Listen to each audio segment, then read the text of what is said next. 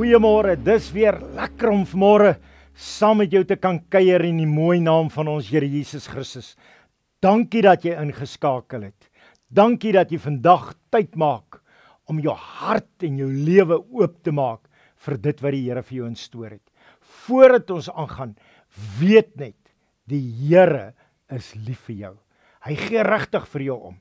Hy sien jou raak. Hy weet wat jy beleef. Hy sien wat jy deurmaak. Hy sien daai uh stryd wat jy stry. Hy sien die noodkreet wat uit jou binneste kom en hy hoor jou. En hy is God wat vir jou gaan voorsien. Uh, weet vandag dat die Here los jou nie.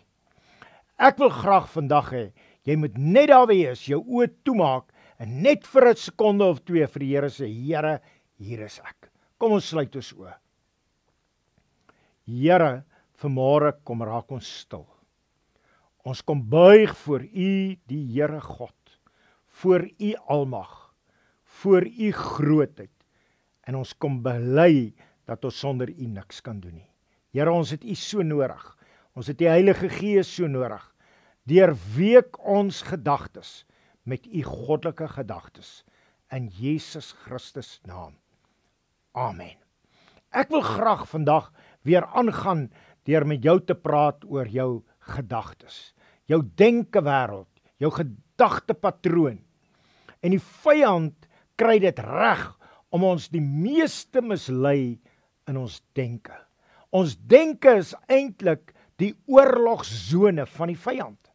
Ons denke is is is die gevegsterrein waar die vyand die meeste van ons maklik vang. En dan kom die vyand en hy bring sekere goed, maar die belangrikste is hy bring leuns.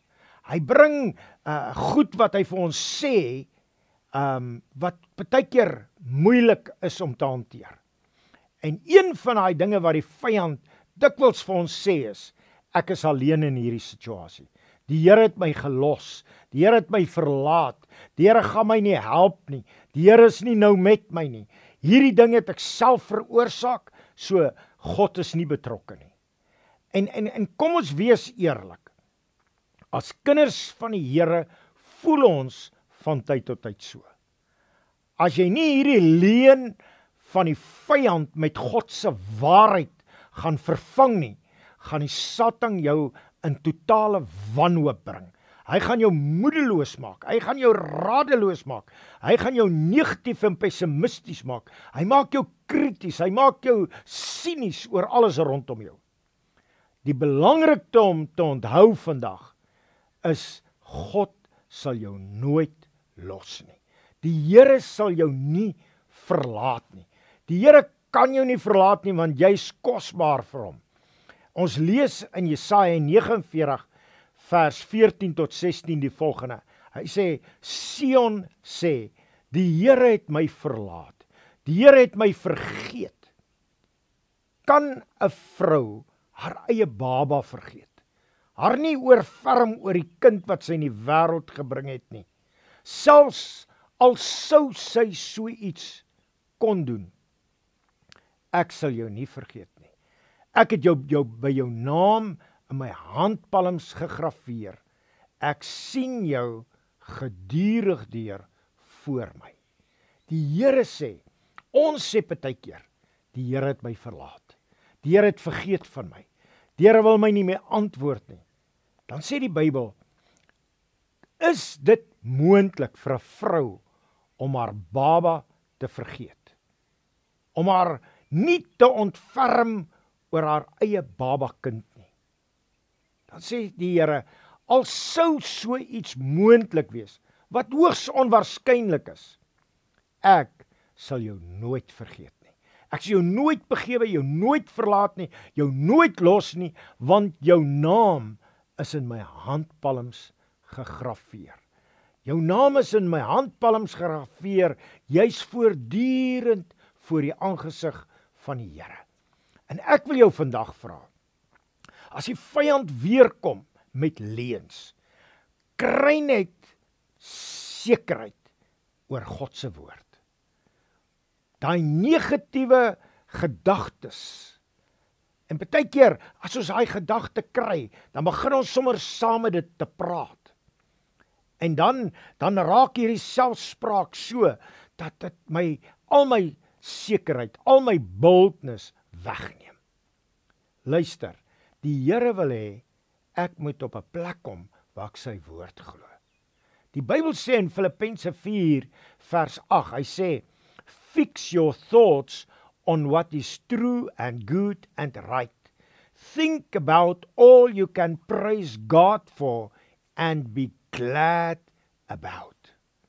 Luister, fokus jou aandag, jou gedagtes op dit wat waar is, op dit wat goed is, op dit wat reg is. Dink oor al die dinge na waaroor ons God kan prys, want dit gaan ons vol blydskap bring. Vul jou gedagtes met dit wat waar en eerbaar is. Vul jou gedagtes met God se woord. Want daar's geen beter teenmiddel teen die leuns van die vyand as die woord nie. Daar's geen beter teenmiddel, geen beter antibiotika vir 'n lae selfbeeld as om elke dag jou vol te maak met God se woord. Luister. Bestudeer die woord. Memoriseer die woord. Bepeins dit, dink na daaroor en pas dit in jou lewe toe. Denke kan my of in die grond indruk of dit kan my optel. Laat toe dat die woord, die Bybel, God se woord in jou hart inpraat sodat jy kan opstaan as 'n wenner en fokus jou gedagtes op God se woord. Die Here seën jou. Kom ek bid vir jou. Here, wat 'n voorreg om vanmôre saam met elkeen te kan bid. U sien hulle raak, u sien hulle nood. U sien vanmôre ook hulle gedagtes. U sien wat deur hulle gedagtes maal. U u sien waarmee die vyand hulle tempteer. Die leuns wat die vyand vir hulle opdis. En Vader, ek kom vanmôre in Jesus Christus naam en ek neem elkeen se gedagtes gevange tot gehoorsaamheid aan die Here Jesus Christus, tot gehoorsaamheid aan u woord. Here, ons wil bid dat u woord lewend en kragtig in elkeen se gedagtes word. En u woord wek op. U woord bemagtig. U woord stel ons in staat om wenners te kan wees. En ons dankie Here dat u woord wek geloof in ons harte. Selfvertroue, boldness kom deur u woord. Dankie Here dat u ons standvastig maak en ons gedagtes vul met u woord in Jesus Christus naam. Amen. Die Here seën jou, gaan geniet jou dag en mag jy 'n wonderlike week hê wat voor lê.